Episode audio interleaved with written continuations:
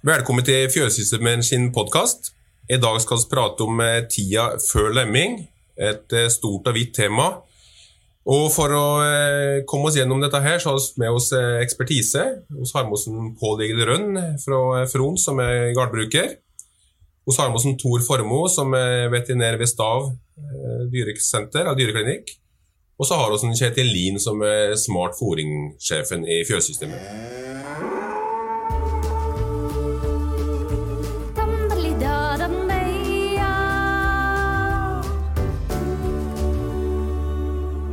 Nå skal vi prate om tida før lemming, så det er jo som jeg sa i introduksjonen et stort og vidt tema. Men vi må ha et basis eller et uh, utgangspunkt, Kjetil. Uh, og da tenker jeg i disse tider så er det selvsagt fostertelling som er eh, tida. Og grunnlaget for den tida vi er nå i forhold til fostertellinga, hva starter hos en? Hvordan skal sauen vår være i dag når vi sitter her og fostertellinga er utenfor døra? på å si? Ja, nei, eh, jeg tenker jo sånn at uh, Jeg tenker hold og åssen dyra ser ut, det tenker jeg allerede fra høsten. Så jeg prøver å sette inn dyra uh, inn ifra beite mens de ennå har et, et, normalt godt hold, altså holdpoeng 3,5. Påsatte de tenker litt ekstra på. De setter inn den tiende i tiende hvert eneste år. Blir satt inn på godt grovfòr. Og får dem til å ete godt med grovfôr. Og så eh, kommer det inn kraftfôr etter en 14 eh, dagers tid. Da trapper dem sakte og sikkert opp til 300-350 eh, gram, og det står de på fram til oppfòring før lemming. Så holdet på søyen i fjøset mitt nå, det skal være rundt 3-3,5. Ja. Det syns jeg er et optimalt hold på søyen. Og 10.10. er en lett dato å huske, og da skal, da skal det inn? Da skal påsette inn. Mm. Pål Egil, du, eh, du, har jo fostertelling. Eh, og hva, kan jo spørre spørsmålet da, hvorfor, hvorfor fosterteller du? Og hva gjør du i ettertid? Ja, nei, Fostertellinga er et uh, utrolig viktig verktøy. Kanskje spesielt for uh, dem som har da, både færrest og, og, og flest. Og um, Hvis du starter med påsetlammer, så er det nesten det viktigste det å få plukka ut dem som har ett slik at en uh, unngår noe oppfòring på dem uh, fram mot lemming, slik at en ikke får for store lam. For uh, påsettlam og, og, store enkeltlam det er ingen, ingen god kombinasjon. Ellers så når det gjelder Gimro, så grupperer de slik at de som har tre og fire av dem, de får litt ekstra. Av voksne øye så er det bare de som har fire og flere som får noe ekstra. Det, der må turene og trierne de klarer seg godt eh, med et godt utgangspunkt og et godt hull. Eh, ellers så eh, har jeg en filosofi om at jeg ikke fôrer opp noe særlig før lemming. Jeg har dem veldig stabile på både grovfòr og, og kraftfòr når det gjelder lam, da, med unntak av dem som er enkeltlam. Mens på voksne så, så gir jeg på litt. Men eh, jeg ligger nok på mellom 400 og 500 gram med kraftfôr fra, fra ei uketur til innsett og helt fram. Eh, og jeg har prøvd å fôre opp dem med tre lam av ungsøya. eh, og gi dem litt ekstra på slutten. Det har jeg veldig dårlig erfaring med, for det blir for mye volum inni der. Så jeg vil heller ha tre litt mindre lam da, i stedet for å prøve å få dem opp på samme størrelse som dem som har turlam. Mm. Så, så gruppering er et viktig element her synes det er fryktelig viktig dette aksima å komme godt i gang fra høsten og, helle, og passe på holde hele veien. For det er klart, og ser, som veterinær så ser jeg mye forskjellig rundt omkring. At det er mange som ja, de får for dårlig, for dårlig fôring og for dårlig stell i starten, og så blir dette der oppdaga etter fostertelling og etter klipping, og da og skal begynne å rette inn at da, da det går ofte ikke så bra. Så dette er å holde den jevne gjennom vinteren, det er, det er fryktelig viktig. Mm. Hvis vi ser på eh, selve fosterforløpet, da, så ei søye er jo direkte i snaue 150 dager. Og de første 100 da så skjer det jo for så vidt veldig lite. Det er eh, perioden der så fester jo fostra seg til livmora, og morkaka utvikler seg. Men sånn ernæringsmessig så, så klarer sauen seg på vedlikeholdsfòring bortsett fra påsetta som skal vokse. da. Men allikevel så er denne perioden ganske viktig. Jeg har vært borti tilfeller der de har brukt veldig godt grovfòr i starten av drektigheta, og det har faktisk ført til at, eh, at morkaka underutvikler seg, så du får en tynn navlestreng. Og når fostra skal trekke litt mer energi mot slutten av drektigheten, så, så, får de rett og slett ikke nok næring, og så blir de svakfødte og små, mm. tross at søyen er i godt hold. Mm. Eh, så det er litt viktig. De skal stå på vedlikeholdsfòring eh, de første 100 dager. Og så når vi kommer på de siste 50 da, så skjer det jo voldsomt mye. Så de siste to månedene av drektigheten så, så vokser jo fostra 90% av fødselsvekta si. Så da øker jo fòrbehovet vesentlig, eh, samtidig som at eh, jur- og råmjølksproduksjonen skal komme i gang òg. Og, og fostra tar jo større og større plass, så det er mindre plass til mat. Så der må vi prøve å få dekket opp energibehovet til søya, så, så ikke går ned i hold. For i den siste perioden, de siste to månedene, så, så går jo næringa i hovedsak først til fostra. Og er det underfòring, så går søya ned i hold. Så at en har en god strategi på den fôringa siste to månedene er veldig viktig. Eh, og jeg sjøl har brukt eh, mange år på å utvikle min egen fòrtabell som passer mitt driftsopplegg og mitt, min plan. da. Og Den er justert veldig mye, og den må jeg sikkert justere opp igjen. Både i forhold til eh, grovfòrkvalitet og, og ønska eh, fødselsvekter og, og, og, hold. Og vi vet da at på slutten av drektigheta så, så får eh, fostera tilført noe som vi kaller for brunt fett, Tor. Som er på en måte ei sånn energipakke. Startpakke. Ei startpakke, altså de skal bruke første to døgna, kanskje. Mm som er energipakke for at de skal finne pappen, få opp varmen i kroppen og være livskraftige. Da. Og, og akkurat mengden brunt fett lama får, det er veldig avhengig av hvordan energitilførselen til søya er akkurat på slutten av drektigheten. Så det er en veldig veldig viktig periode, eh, både i forhold til eh, foster, fødselsvekter, holdet på søya, og ikke minst råmjølksproduksjon og mjølkeproduksjon mm. etter lemming. Og dette å sørge for å ha godt kvalitets grovfòr den perioden er uhyre viktig. Det er da du skal ha det beste. Mm, helt klart. Og gjerne førsteslått som inneholder litt fiber, så du, mm. så du kan kombinere det med en, eh, med en kraftfòrrasjon mm. i tillegg, så mm. du beholder et godt vannmiljø. I forhold til livskraftig lam, eh, Tor, eh, da er vi fort inne på litt vitaminer, mineraler, kanskje. Ja, og det, det ser oss er, det er en ting som er viktig å ha gjennom hele inneforingsperioden. Dette at de har får tilgang til vitaminer og mineraler. Og det er klart, de voksne sier jo som kanskje ikke står på noe kraftfôr eh, i perioder da. Dette at du, at du får vitamin og mineraler, og det er noen ulike måter å gjøre det på. Nå har det etter kort blitt mye brukt med vitamin-mineralboluser, som en kan gi et par ganger i året, som vil være en et godt supplement for å, for å, sikre at du har nok av essensielle mikromineraler. Da.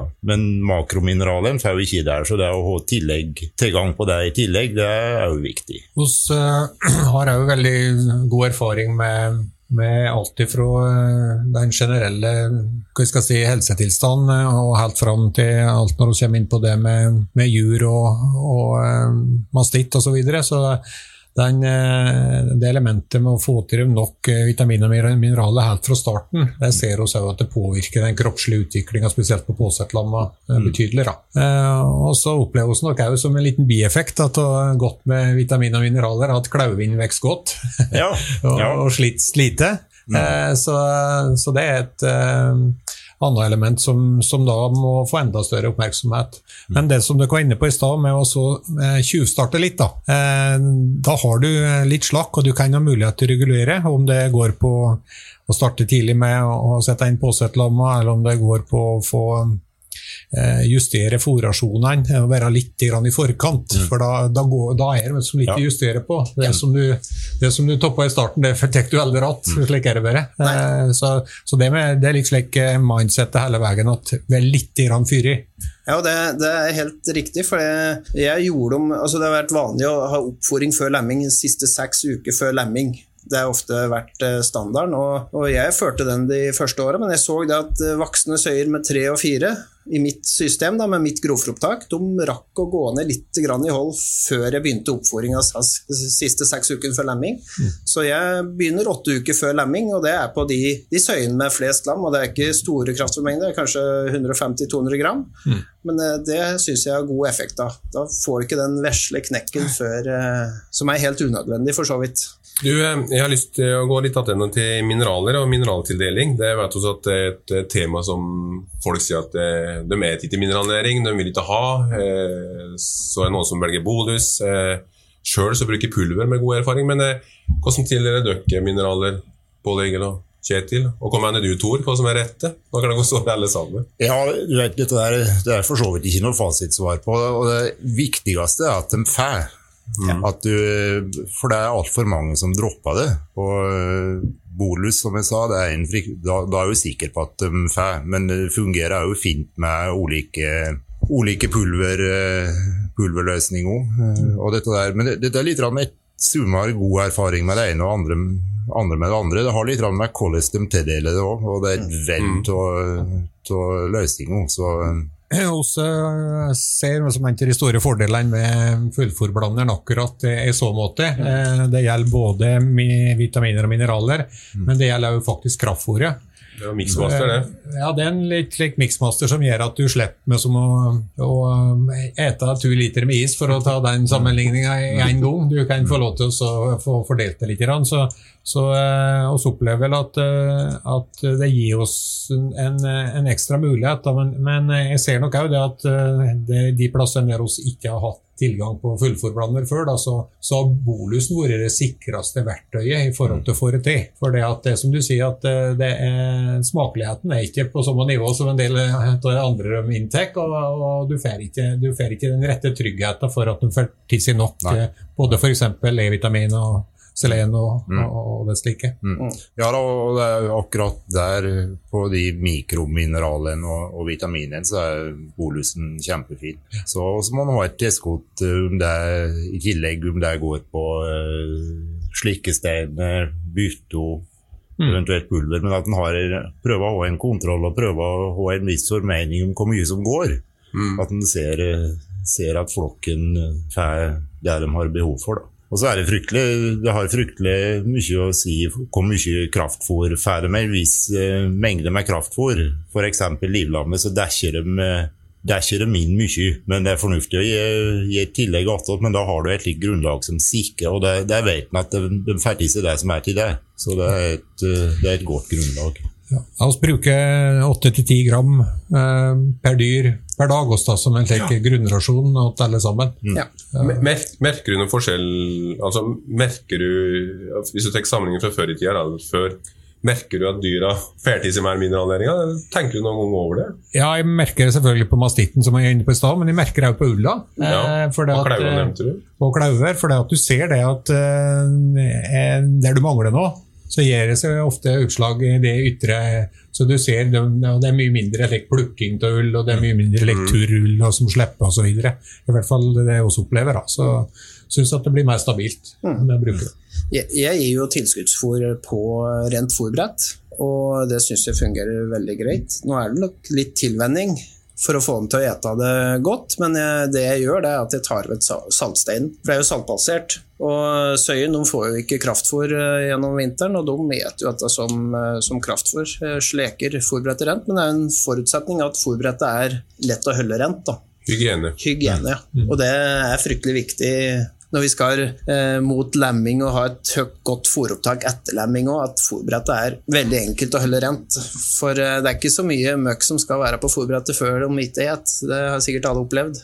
Ja, nei, sauen er kresen, og, og, og, hygiene er noe viktig i alle aspekter. Det er selvsagt fryktelig viktig rundt lemminger, men det er jo viktig hele veien for å legge et grunnlag for å unngå problem i lemminger. At, du, at en sørger for hygiene hele veien. Det gjelder ikke bare på fòrbrettet, det gjelder også i bingo. Den gamle fòrhester på fòrbrettet er ikke noe heldig. Eh, gammel, eh, det er, gammel mat. Det drar ned appetitten, det.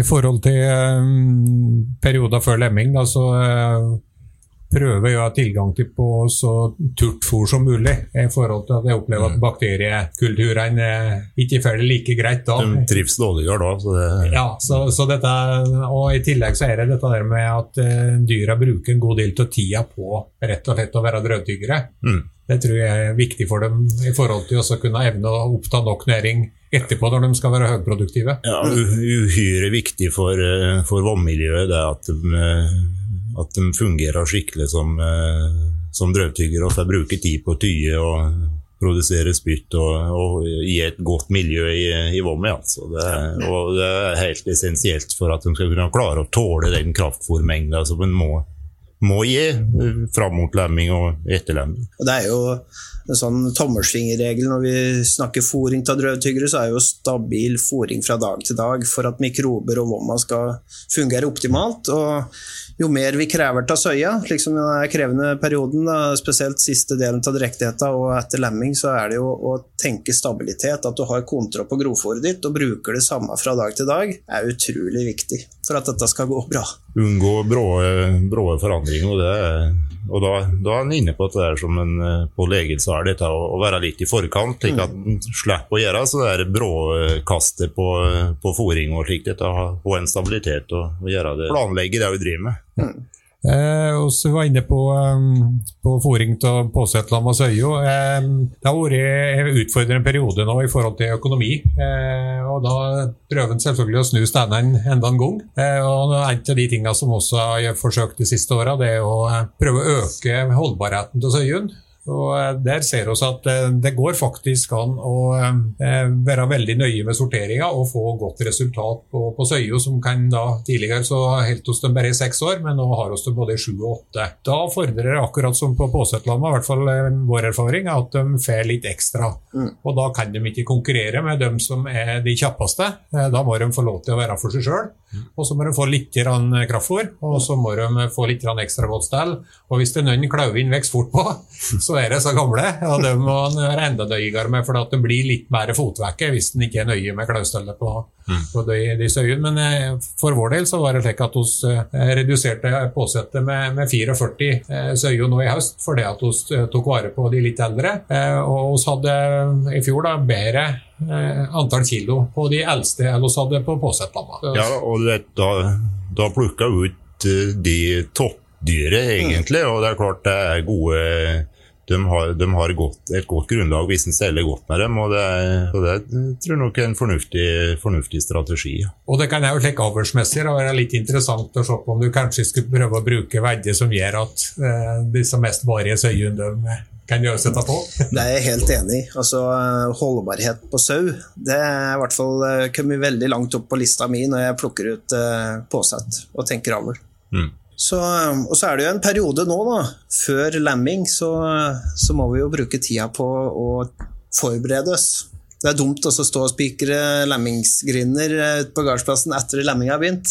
Rutiner og gode planer og Ja. ha, eh, et godt opplegg. Det er jo viktig å være forberedt. Så jeg tenker for min egen del eh, Da koronaen kom i fjor, så jeg tror jeg aldri var så klar til lemming noen gang. For da hadde jeg ekstra mye tid hjemme og gikk nesten og sparka småsteiner og venta på lemming. Og det er ikke ofte jeg gjør, altså. For da var jeg klappete klart. Ja, hva gjør oss for å være helt eh, forberedt på lemmingene? Eh, både fysisk og psykisk. Det er jo en tøff periode, både for sau og bruker. Ja, den psykiske biten den er spørs om det må bli et annet program, men, eh, men i forhold til det fysiske da, så ser vi at de, de kaller det tidstyvene, de som stikker av med fryktelig mye tid, mm. de må vi prøve å få minimert. Eh, Og eh, i tillegg for å øke kvaliteten og f.eks. vann, at de alle sammen har tilgang på vann hele tida, selv om de eh, helst skal stå i en enkeltbinge to til tre dager.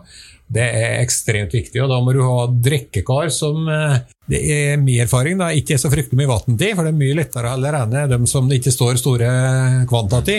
Så eh, jeg har da drikkekar i alle binger, eh, og eventuelt drikkenipler hvis en bruker den varianten. Det syns jeg er viktig. og så har du den biten med trygghet og sikkerhet på grindløsninger og frådeling, slik at du ikke får en ulykke. Så det å ha grinner som eh, passer godt i hop, uten noe mye klebber eller pinne eller hva det nå skal være for noe, det er jo veldig viktig. Så, så oss har uh, funnet ut at for at du skal få dette til å flyte, så er det som en slik tommelfingerregel at du må ha en tredjedel faktisk. Det høres mye ut, men en tredjedel så mange lemmingsbinger som du har søyo. Da har du kontroll, da behøver du ikke stresse, da behøver du ikke å gå i hop at det er noen som er litt småskrantete, så kan de få fortsette å stå der. Mm. Så, så, det å i hvert fall ikke tro at ja, her lemmer det bare fem om dagen, så da behøver vi ikke mer enn fem-seks binger, det, det, går ikke, altså. Så litt, litt eh, godt med antall fødebinger er min erfaring at det er viktig. Og så i tillegg lett tilgang på mye turhelm. Ja, ja, det, er, det er ingenting som matcher turhelm. Ingenting, det er ikke tvil om det. Og fryktelig viktig det å si om vann her, og det, det gjelder med hele, hele inneforingsperioden. Dette at du sørger for rikelig, rikelig tilgang på vann, for det er en forutsetning for at vommet skal fungere som det skal.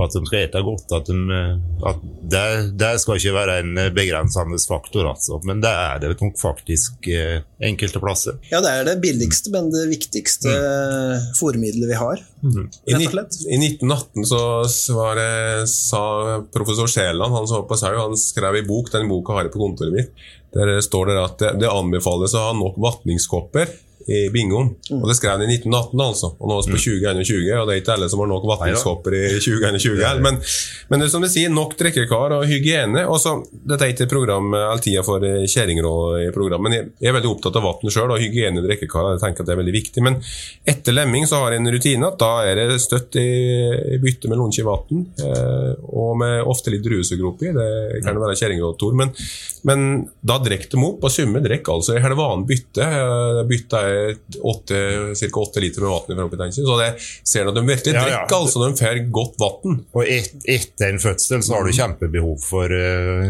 Du har tatt mye væske da og vært i påkjenning, og det å kunne å få til seg rikelig med vann da er fryktelig viktig for å, uh, at de kommer seg fort igjen, at melkeproduksjonen blir, blir som den skal, at du får godt med får produsert godt med melk i første dagene. Det er ja. fryktelig viktig. Jeg føler det er Standardspørsmålet når folk skal ringe til fjøssystemet skal bygge seg fjøs, og så er det skal vi ha drikkenipler eller skal vi ha drikkeklare. Og da si at det er så mange eksempler på gode folk som driver med både drikkenipler og drikkekar. Så det tror jeg lykkes med uansett, hvis du følger opp sjøl og sjekker, både sjekker drikkeniplene at du gir nok vann, og at du er hygienisk i drikkekarene dine, ikke er gammel supe som ligger i drikkekaret. Altså, så det er liksom, ja, et viktig tema. Mm. I forhold til forberedelser, altså Jeg har en rutine, og det kan godt hende det er eh, bare tull, men, men, jeg pleier å gå over alle, hele fjøset 14 dager før eh, lemminga begynner, og, og, rensker. Det blir jo litt møkk inne ved strekmetall og drikkekar og, og sånn, og rensker helt ut og, og strør på hydratkalk. Og En av grunnene til hydratkalk det er at eh, jeg skal unngå den flua Mm. Som, du ser de begynner å sparke til denne småflua og, er, morgen, ja. og flyr i bingen. Det vil jeg unngå når de er høydrektige, så det er vel egentlig, egentlig hovedårsaken. Men så, så, ser vi at uh, vi slet en del med kløyverk og den biten tidligere, og det har i hvert fall blitt mye mindre. Ja, det tror jeg er en kjempeviktig ting for å bedre hygiene. Og så er det viktig at en begynner i god nok tid. Mm. for det da gjennom den perioden er flink, ekstra flink med reinhellet. For det, det, tar litt tid å, å få snudd den eh, eller, ja, For å hindre at den bakteriefloraen vokser ut. Da, mm. Og få en eh, sunn, sunt klima. Det, og hydratkalk, stalosan tror jeg ja. er positive ting der. Altså. Mm.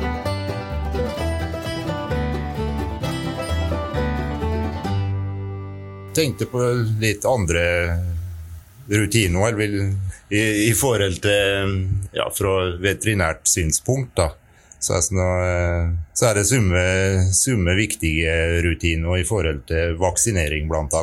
Ja. Som er, og som en må ha på plass gjennom, gjennom sesongen. Det er oss anbefaler, og, og dette er, det er ulike ting vi vaksinerer mot, men det er alle stort sett er kjent med, er nå den mot pulpanyre, som er en en infeksjonssykdom som lammet lammet får når de kommer ut på grønt. Og med en kraftig bakterieoppvekst med frigjøring av giftstoff, og, og som de dauer fort. Altså, hvis de får det, så vinner den stort sett ikke å behandle. Så det, da er det forebygging som er tingen, og da er det vaksinering. Og Det er også anbefalt å vaksinere livlammet, eller påsetter, med en gang en får minimum eh, så fort som mulig når en får minimum høsten. Og så vaksinerer han hele flokken minimum 14 dager før lemming. Det, det som er anbefalt, det er ca. fire uker før lemming, men for å få det til i praksis til å dekke hele, så tre til fire uker før lemming. I hvert fall ikke noe nedrigere enn 14 dager før lemming. For da det skal ha tid til å danne seg antistoff, og det skal ha tid til å komme i romjolke. Hvis du ikke er vaksinert livlam på, på høsten, så er tida nå i, i, starten av februar for å vaks, vaksinere, vaksinere første gangen på Livlandet. Og så tenner det med alle sammen at når du vaksinerer før lemming. Vi eh, har hatt eh, noen perioder der vi har fått litt utfordringer med toksoplasmose tidligere. Og vi bruker jo da vaksine mot eh, toksoplasmose. Mm. Og så ja, litt slik i forhold til eh, om en skal prøve å fore, drive forebyggende arbeid her, så opplever vi egentlig at vaksinasjon er en en billig, effektiv eh, og, og noe som gir større kapasitet til å håndtere de tingene som de ikke kan vaksinere mot i lemminga. Ja, og det, det, er en helt riktig måte å tenke på. Vi ønsker minst mulig sykdom og minst mulig behandling. Og, og vaksine er et av de viktigste tingene vi kan bruke for å forebygge slik. Mm. Når det gjelder toksoplasmose, så er det, en, det er den smittsomme kastingen som er et fenomen vesentlig på åringen. Og eh, det å vaksinere, vaksinere åringen før, før, paring, det er, da beskytter du i stor grad mot det. Dette er noe du må planlegge litt og bestemme, for dette, den vaksinen må man bestille inn på vårparten. Det å planlegge det og få veterinæren til å bestille ut nødvendig Du vet ca. hvor mye påsett du skal ha, og få bestilt ut det som er nødvendig for det. Ellers har vi hatt eh, perioder der vi har hatt utfordringer med munnskurv. Mm. Eh, og problemet er ikke når du har det i munnen, eh, men problemet er når du får det ned på speinene. Ja. Eh, og spesielt her så er det åringene som, som, blir mest utsatt. Og erfaringa, sjøl om jeg vet at det er mange ulike virus på, på skurretyper, så, så har det i hvert fall hatt veldig god effekt, den vaksinen jeg også har prøvd å gi de siste par mm. åra. For når du skal stå på kne og, og mjølke åringer eh, hele dagen og hele natta. Det er en tidstyv. og en ting er om dagen, men de, det er like mange timer om natta som det er om dagen. Og, og dette klarer oss ikke med. så I forhold til så høyproduktive som de er med så mye mjølk, så blir det fryktelig mye lett infeksjon. Ja, og kan du, kan du forebygge dette med, med, vaksinering, så er det et kjempemessig dyrevernsmessig tiltak òg. For det er klart, dette er plågsomt. Og eh, selv om det kanskje ikke er største problemet det som er på, på lammet i kjeften, så er det òg et dyrevernsmessig aspekt ved det. altså. Så hvis du er vaksine kan få ned forekomsten uh, og redusere de problemene, så er det, er det kjempeviktig. Dette er en vaksine som i utgangspunktet ikke er noe standard vaksine som er registrert i Norge, men får dem inn på registreringsfritak, som det heter. Så i besetning som har som jeg sa tidligere, har problem over, eh, over tid da, med dette. Det er klart, Har du, har du ett år og ikke ser det på, på, mange år, så er det ikke noe eh, stort problem. Men, eh, men det er som du får gjentatte tilfeller, så, der, så, det å forebygge med vaksinering tror jeg er absolutt fornuftig. Og så vet vi jo I forhold til vaksinering på, eller i forhold til sykdom på lam, så er det i enkelte besetninger som har hatt problem med leddbetennelse i stor skala. Egentlig. Det er jo en tidstyv. Det er jo en tidstyv. Dette er nok et fenomen som en særlig ser i store besetninger. og at der går det an å Det har vært gjort noen forsøk på, med å produsere vaksiner basert på bakteriefunn i de besetningene, som noe som kan være aktuelt å se på hvis du har slike problemer. Dere har vel hatt eh, ja, også hadde utfordringer med det og fått redusert eh, omfanget av eh, leddbetennelse med ca. 90% med ja. vaksine. Og det er vaksine det er ikke noe som sett, sett noe kvalitetsstemper på kjøttet, mens det er klart at de lamma som også har penicillinbehandla, de, de blir en liten hokk i, i bøkene hos oss. Altså. Mm.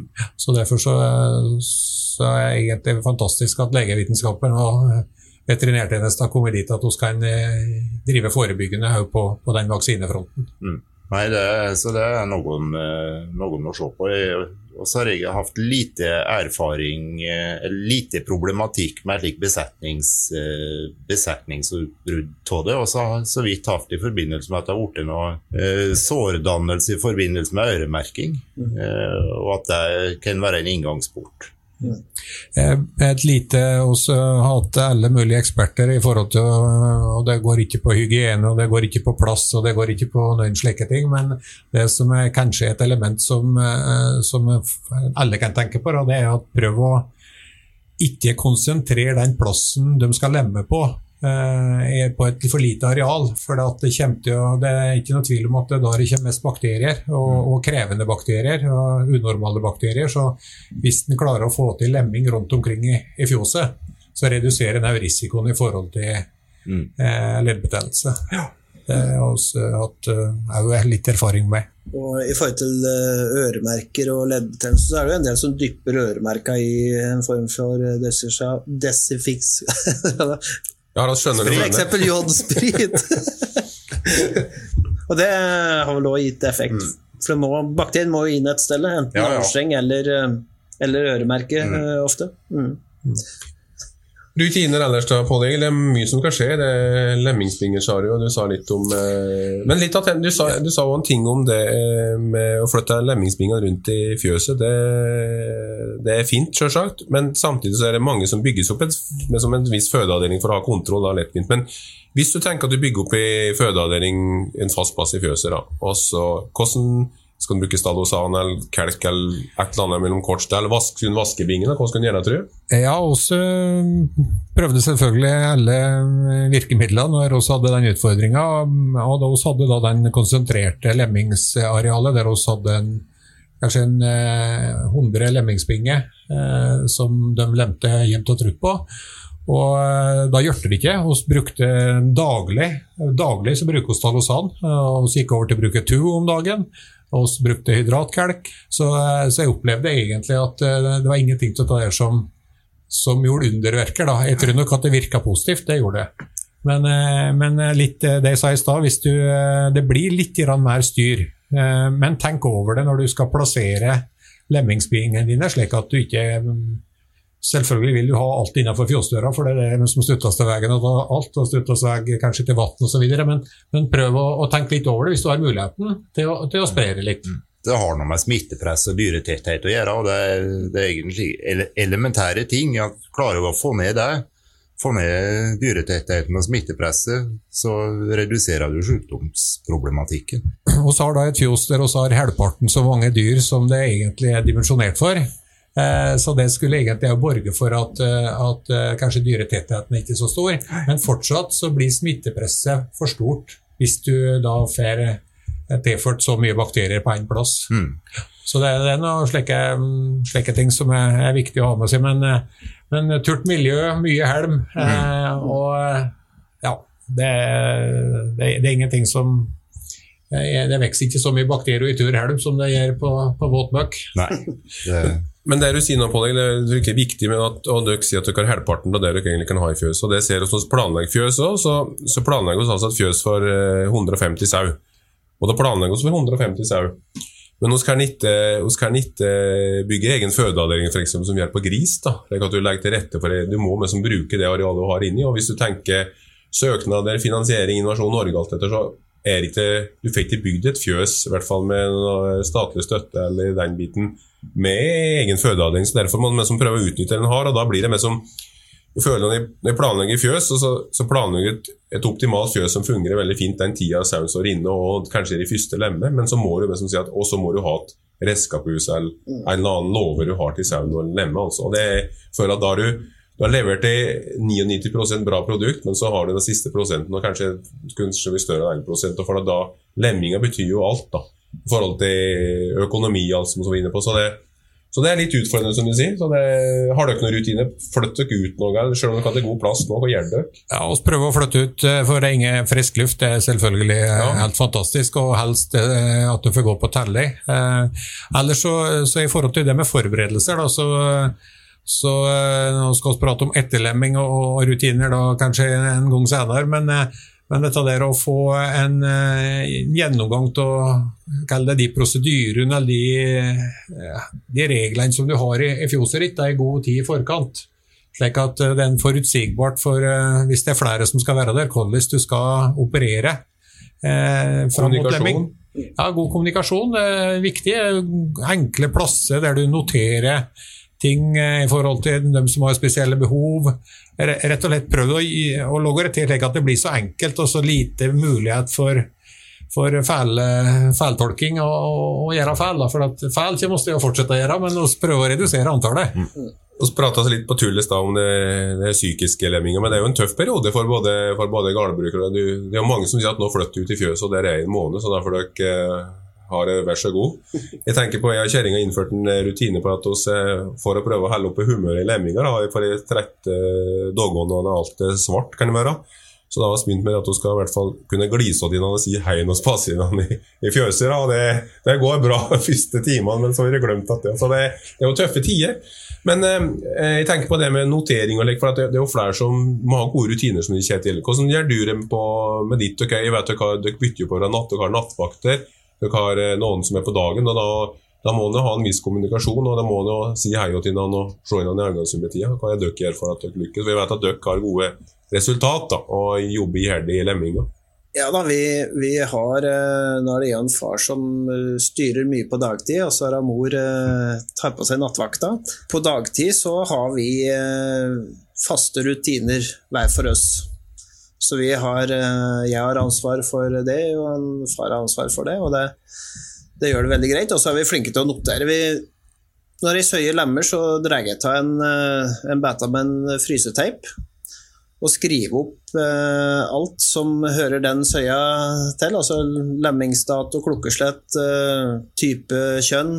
Og så sjekker vi eh, da om de har fått i seg råmjølk og sånn, det skal vi snakke om senere. Men, men, men det er god rutine, og vi skriver på den lappen eh, om det er noe spesielt, og merker av med rødt. Og flytter vi søya, så tar vi bare med frysteipen og, og setter den fast der søya havner. Så, så, så vi har full, eh, full historikk, da. Jeg tror Det er viktig å ha et system som passer seg sjøl, så man finner de rutinene som en mener er riktig og virker for seg sjøl. Det, ja, så det tror jeg, om det er fra enkelt fryseteip til noe større, men i hvert fall at du har noe som fungerer i praksis. Ja, Og som alle vet åssen fungerer. Og så tenk på jo dette der eh, Det er, det er ymse fjos rundt omkring, men dette der å få litt eh, på visse fasiliteter for den som skal arbeide der. Det gjelder både gårdbrukeren sjøl, at det, er- det gjør det litt triveligere å, å drive på. At du kan, du kan få vaska i ordentlig, og du har et, eh, et rom der det er noenlunde rent og, du, og som du holder i, orden. Det er, det da er det triveligere å drive på. Og jeg tenker for vår del som eh, veterinære som kommer rundt og skal inn til hele døgnets tid òg, så dette er å ha Nå er det noen krav om smittesløse og inn i, inn i sauefjos. Ja, det er kjempebra, men eh, det er klart eh, etterlevelsen og, og tolkingen av regelverket kan nok være ymse der. Så dette der å, å tenke, tenke gjennom dette der og få til skikkelige forhold, og dette der å ha når oss kommer så skal skifte og ha på oss eh, klær besetningens klær, dette å ha rene noenlunde rene dresser. Den trenger ikke være rene hver gang, men den bør ikke gå, heller gå hele lemmingen uten at det blir vaska. Og òg dette å ha ordentlige støvler som Varme. er, som er varme. For dette er klart når du er inne mange plasser og skal ha på deg iskalde støvler gjennom hele dagen og natta, det, er- det er ikke bra. Dette handler jo om rutiner og forebyggende og, og være parat i lemminga. Jeg kan bare si en ting, det, der med, det du sier med et, en stand som kan trekke seg tilbake litt og samle litt krefter, det tror jeg er viktig. Det jeg tenkte på første gang jeg var at når Pål Egil hadde bygd seg fjøs, så var jeg bortbåten, og det var jo litt mer tøffere fjøs enn det jeg har sjøl. Og så drev vi i fjøset der og, og surra lemminga. Ble litt kalde år, sjølsagt, noe å rolig til oss. Men i hvert fall så sa han nei, nå går vi inn og drikker kaffe. Så gikk vi bare bort til døra, Så kippa vi oss kjeledressen, så hoppa vi inn på et varmt kontor og så satte oss og drikke kaffe. Og Jeg tenker på mange ganger at det bare det høres mer fantastisk ut enn folk kan forstå. tror jeg. Ja, det gir meg som uh, hverdagen Ja, bedre. Trivelig. Ja, så skal vi ha inn eh, som du sier, eksterne der av og til, og skal diskutere løsninger på ulike utfordringer, og skal ha mulighet til å få notert det vi skal. Så eh, I forhold til det med rutiner, da, så har vi eh, funnet ut at det er noe vi har mye av, altså er det bjølkleva. eh, og kanskje kan vi bruke dem litt, litt flere årstider, eller bare ute på, på beite. Så vi har funnet et system der vi bruker da bjølkleva eh, som er merking, da på, på bakgrinda eh, på Horbinge, og så har de system der og så har de sidegrinda i bakgrind. Og på bakgrinda så er det, hvis det er noe med lamma, så er det enkelkleva, og hvis du, det er noe med juret på søya, så har vi ti kleva en turrunde rundt. Og, og, det er klart, da får du veldig fort oversikt eh, hvor, hvilke, eller hva slags binge som skal prioriteres da, mm. eh, når du kommer inn på ny vakt. da. Mm. Eh, for oss eh, har da oss er i hvert fall 60 kyr lemminger. Og da er dette med kommunikasjon et mye større problem, eh, eller utfordring, er det kanskje riktig å si, eller om det er en eller to. For eh, du blir, ikke, du blir ikke like god til å overbringe eh, budskapet hvis du skal prate gjennom en fem-seks som gjennom en og to. Så, så tydelige, tydelige budskap er viktig.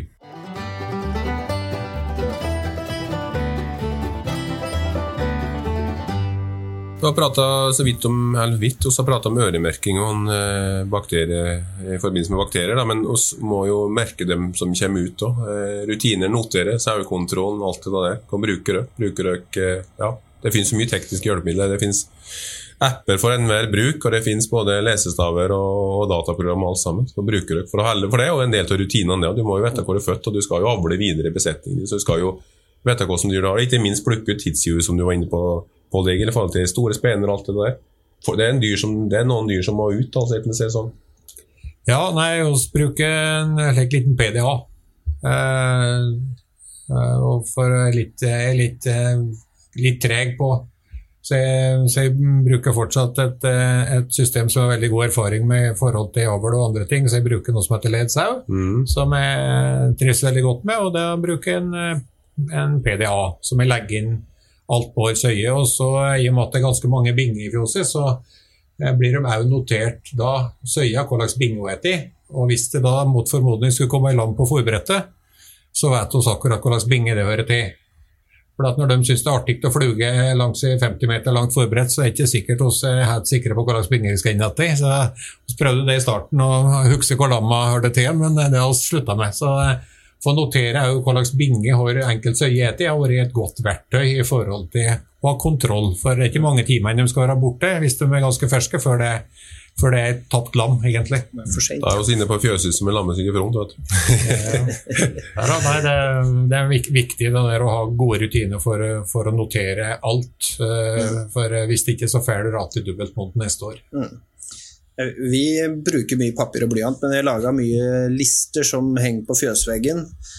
Adopsjon f.eks., det må du notere med en gang, helst så I hvert fall i den der eh, lammetåka så glemmer du av nesten hva du heter. Så det må du skrive opp med en gang du har gjort det, og, og da har jeg gode lister på, på fjøsveggen. Og søyer som skal ut, blir notert fortløpende på, på dødelista. Eh, vi bruker akkurat samme systemet når det gjelder alle som lemmer blir skrevet på liste. For nettopp det du sier, når du har en, eh, ganske mange titalls adopsjoner, så, så, må dette det noteres med en gang. Du kan ikke vente til dagen etterpå. Men eh, når jeg prater om PDA-en, så gjaldt det når vi merker. Mm. Ja, så, og vekter og kjønn og alt, så blir vi noterer ikke annet antall lam som søya kommer med, slik at vi sjekker da i forhold til skanningslista ja. om det stemmer. Mm. Og så, eh, Hvis det stemmer, så tar vi en liten ekstra sjekk for det kan være at til likevel. til. Men eh, det å få det på papir på veggen er jo veldig effektivt som et kvalitetssikringselement. Da har vi en dobbel, dobbel kontroll. Fasiten på denne perioden, hvis vi tenker dyra, så eh, om vi har lykkes med fòringa spesielt da, før lemming, så er det jo det er holdet på søya, og det er fødselsvekter. Og fødselsvekter det er noe som eh, jeg syns er veldig interessant, og det har gitt meg mye i forhold til å justere fôringa mi, lære av de ting jeg har gjort. Jeg har gjort akkurat det samme som det, fôra påsettlam som er tre. prøvd å fôre dem etter norm. Det går dårlig. Jeg fôrer påsettlam med tre. De fôrer likt som tvillinglamma og får akkurat samme resultat som du pålegger. Da får du kanskje tre lam på tre og en halv kilo, men de er livskraftige og levedyktige, og Søya har det veldig bra. Også har hatt, følt, følt, dette der med en arbeidsom sau, med mange lam. og Vår erfaring er at én ting er mange lam, men hvis det er mange store lam, da blir det fryktelig mye mer fetstillinger. Mm. Så å prøve å få, hvis du ligger på et lammetall på mellom 2-2 og 2-4-2-5, så vil i hvert fall jeg anbefale å få lam på 4-8-4-9, eh, helst, helst, ikke over 5 kg i snitt. For da reduserer du eh, risikoen eh, i forhold til feilstillinger, og, og, det blir rett og slett mer komplisert å komme inn og få gjort det. Så ved å redusere med en 200-400 gram på fødselsvekta, så har også redusert dødeligheten på lamma ganske betydelig. Og da prater jeg om som fra ja, 5 til 3 eller et eller annet. Mm. Det er ikke veldig betydelig, for det er ja.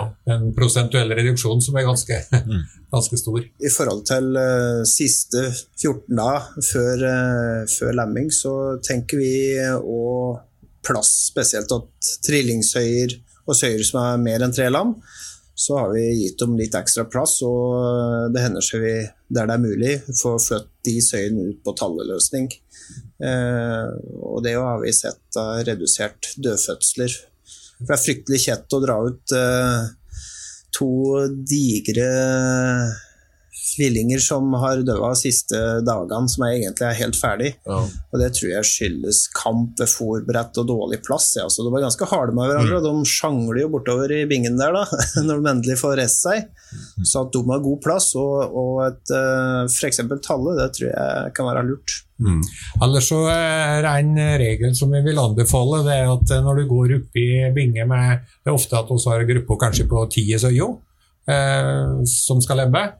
Og eh, når det er ei som skal lemme, da, så må Rupi få tak i og få sett henne til en egen binge. Og Da er regelen hos oss at du får ikke lov til å gå oppi den bingen før alle er på føttene.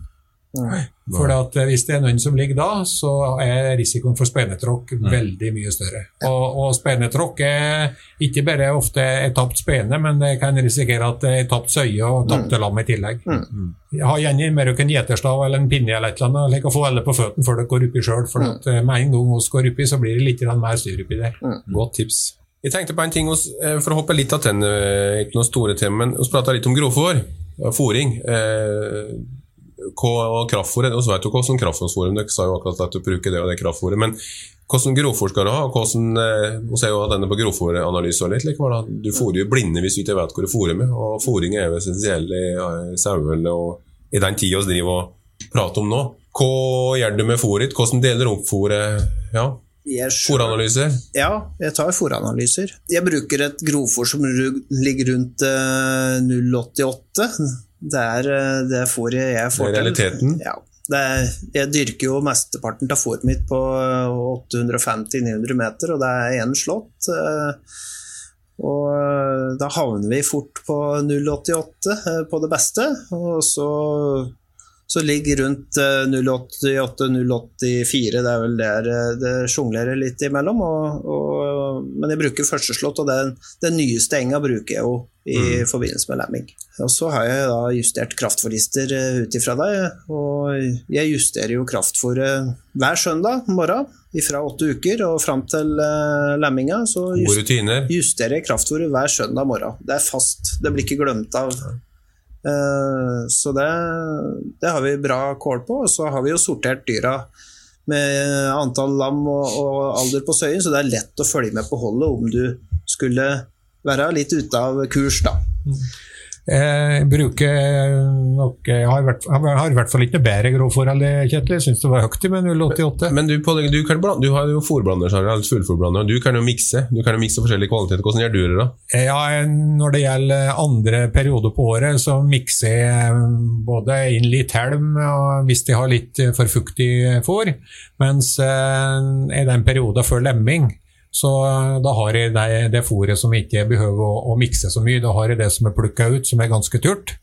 Eh, som har en, eh, i hvert fall på 80-tallet, om det er midt på 80-tallet en eller annen sted, eh, eh, fôrenhetskonsentrasjon. Eh, og så prøver jeg da, det er i hvert fall ambisjonen min, å få dem til å de skal få ete alt de vil av grovfòr hele tida, og da, det får du best til hvis du øker litt gradvis, og ikke bare en, plutselig deser på mye. Så hvis du får dem til å ta opp det ekstra fòrbehovet de har da, med grovfôr i den perioden, så er det fantastisk. Eh, mm. Men det er klart at eh, du faller òg for fristelsen og så justere litt opp på mjølet. Mm. Men, men, jeg tror ikke at sauen trenger noe bedre enn 085-088 grovfôr. Dette er godt nok. Og så vet jeg at vært, jeg har selv hatt diskusjoner med Ås i forhold til at de syns vi fôrer med for turt fôr fordi at smakeligheten går ned.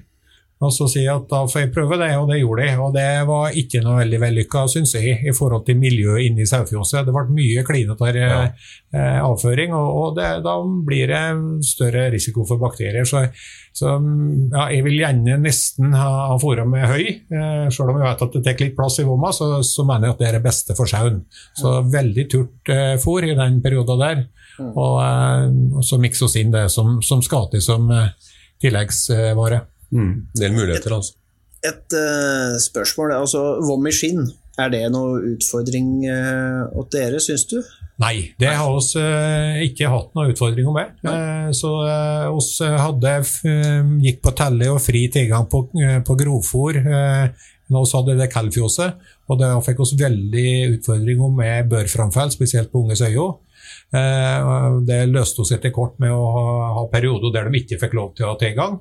Eh, mens eh, oss med det driftsopplegget vi har nå, så har vi eh, nesten, ja, nesten ikke børframfall i forhold til det vi hadde før. og vi har er veldig lite vomiskinn. Men vomiskinn er min erfaring at har du store binger, så får du mye mer kamp og du får mye mer stress. og Hvis de blir jogga og glett litt med bakføttene og strekker seg, så, så er de liksom litt i gang. Mm. Og Så kommer vomiskinn-elementet knytta opp mot unge søyer med tre og fire lam. Mm.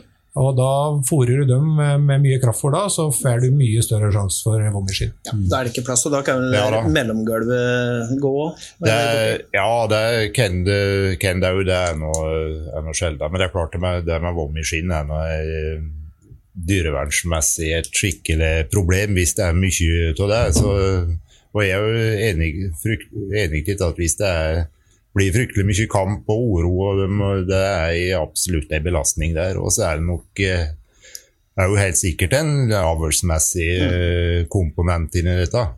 Mm.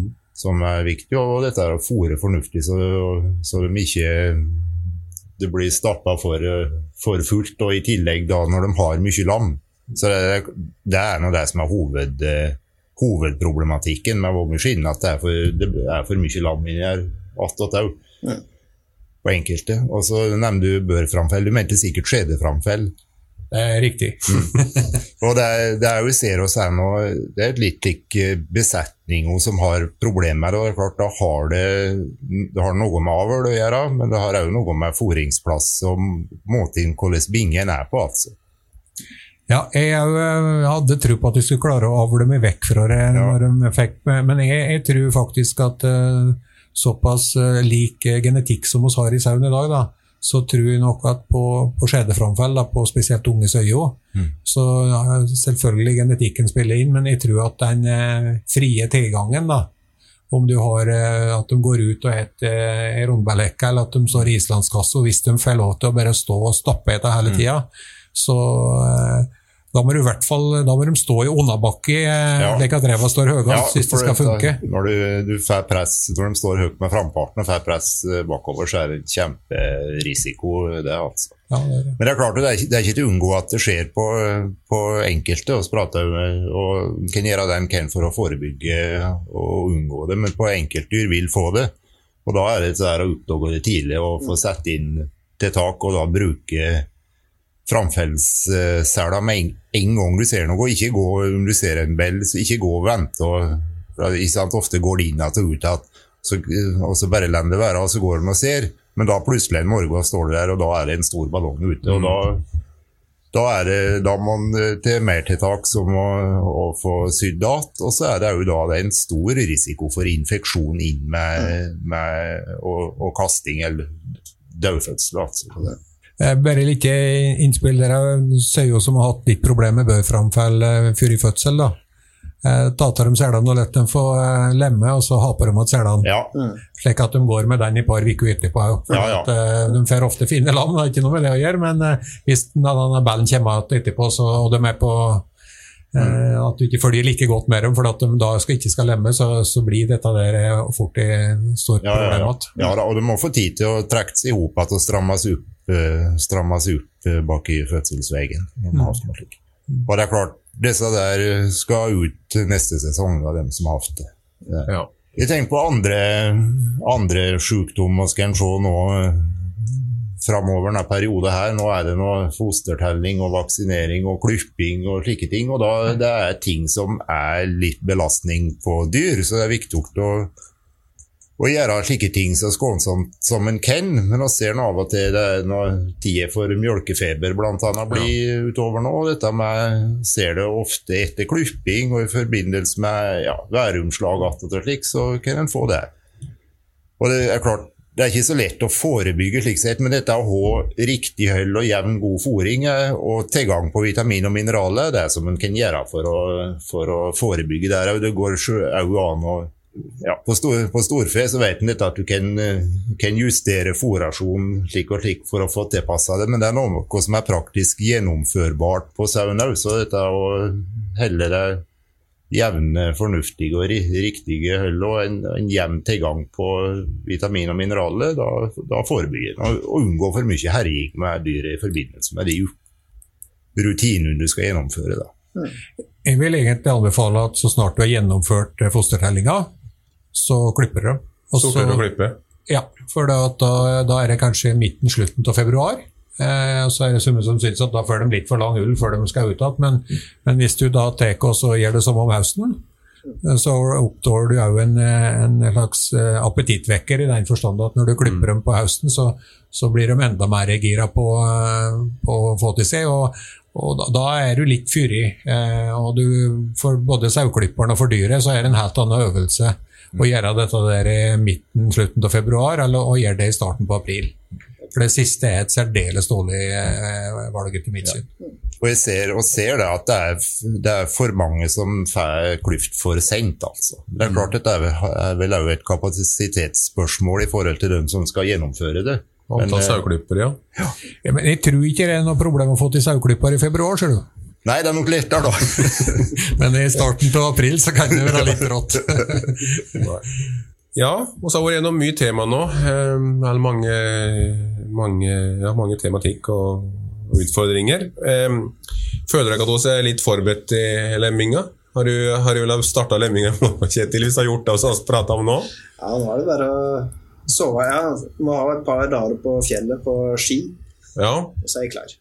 Er du på det, Egil? Ja, jeg har nok ikke helt rigga til kopplandsforingsopplegget mitt enda, det har jeg ikke gjort. Men eh, det er klart at det er jo et, eh, en, eh, en avdeling som må være godt forberedt. på det at automatet, automater, hvis du bruker det, er testa og igangkjørt og klare. og Riktig konsentrasjon i, i mjølka, og at du har et liggeareal og har gruppering for dem. og har, ja, det, At det rett og slett er klart for, for det opplegget du følger da, hvis du har kobla. Mm. Så eh, det er ikke noe Jeg hørte de siste prisene på mjølkepulver i år, så ble koplamfôringa enda mindre interessant enn året før. Men vi må ta vare på de individene som kommer, og plutselig så er det sykdom på ei øye som gjør at vi må ha konseptet klart. Nei, jeg er nok ikke helt klar, men eh, det er igjen et par måneder. da. Du som veterinær, Tor, du skal være oppe en del om natta. Det er det, vi ringer til alt står på hugget.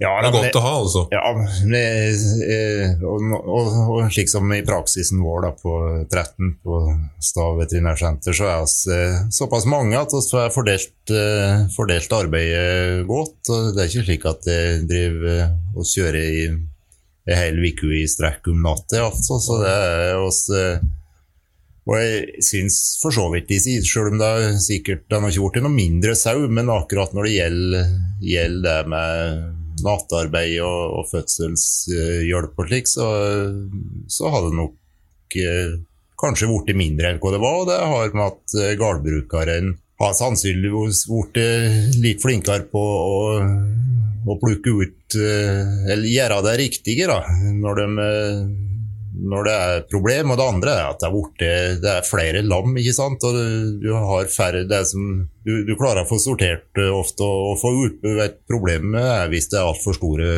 for store lam. Og det, det har det nok blitt mindre av. Så kan en diskutere hvor, hvor riktig det er at det blir for mange land. Da. Det er en grense der for hva som er riktig, både dyrevernsmessig og Det er, det det er en grense for hvor mange de skal ha, og det, det ser en på problematikken. og Nå har det vel for så vidt blitt justert, justert ned litt i forhold til hvordan det var. Det var inne på litt ville veier en periode. Det er noen greier det å ha det hardest på nå, vil jeg tro. Noen mm. andre egenskaper som vektlegger større enn ja. som så. Nei, men da føler jeg at hos, eh, at er klare til lemminger. Eh, så håper jeg at dere som eh, lytter, har lært litt dere òg, og at dere finner gode tips og tar dere videre. Så da vil jeg bare si god lemming og god vår, og si takk for oss.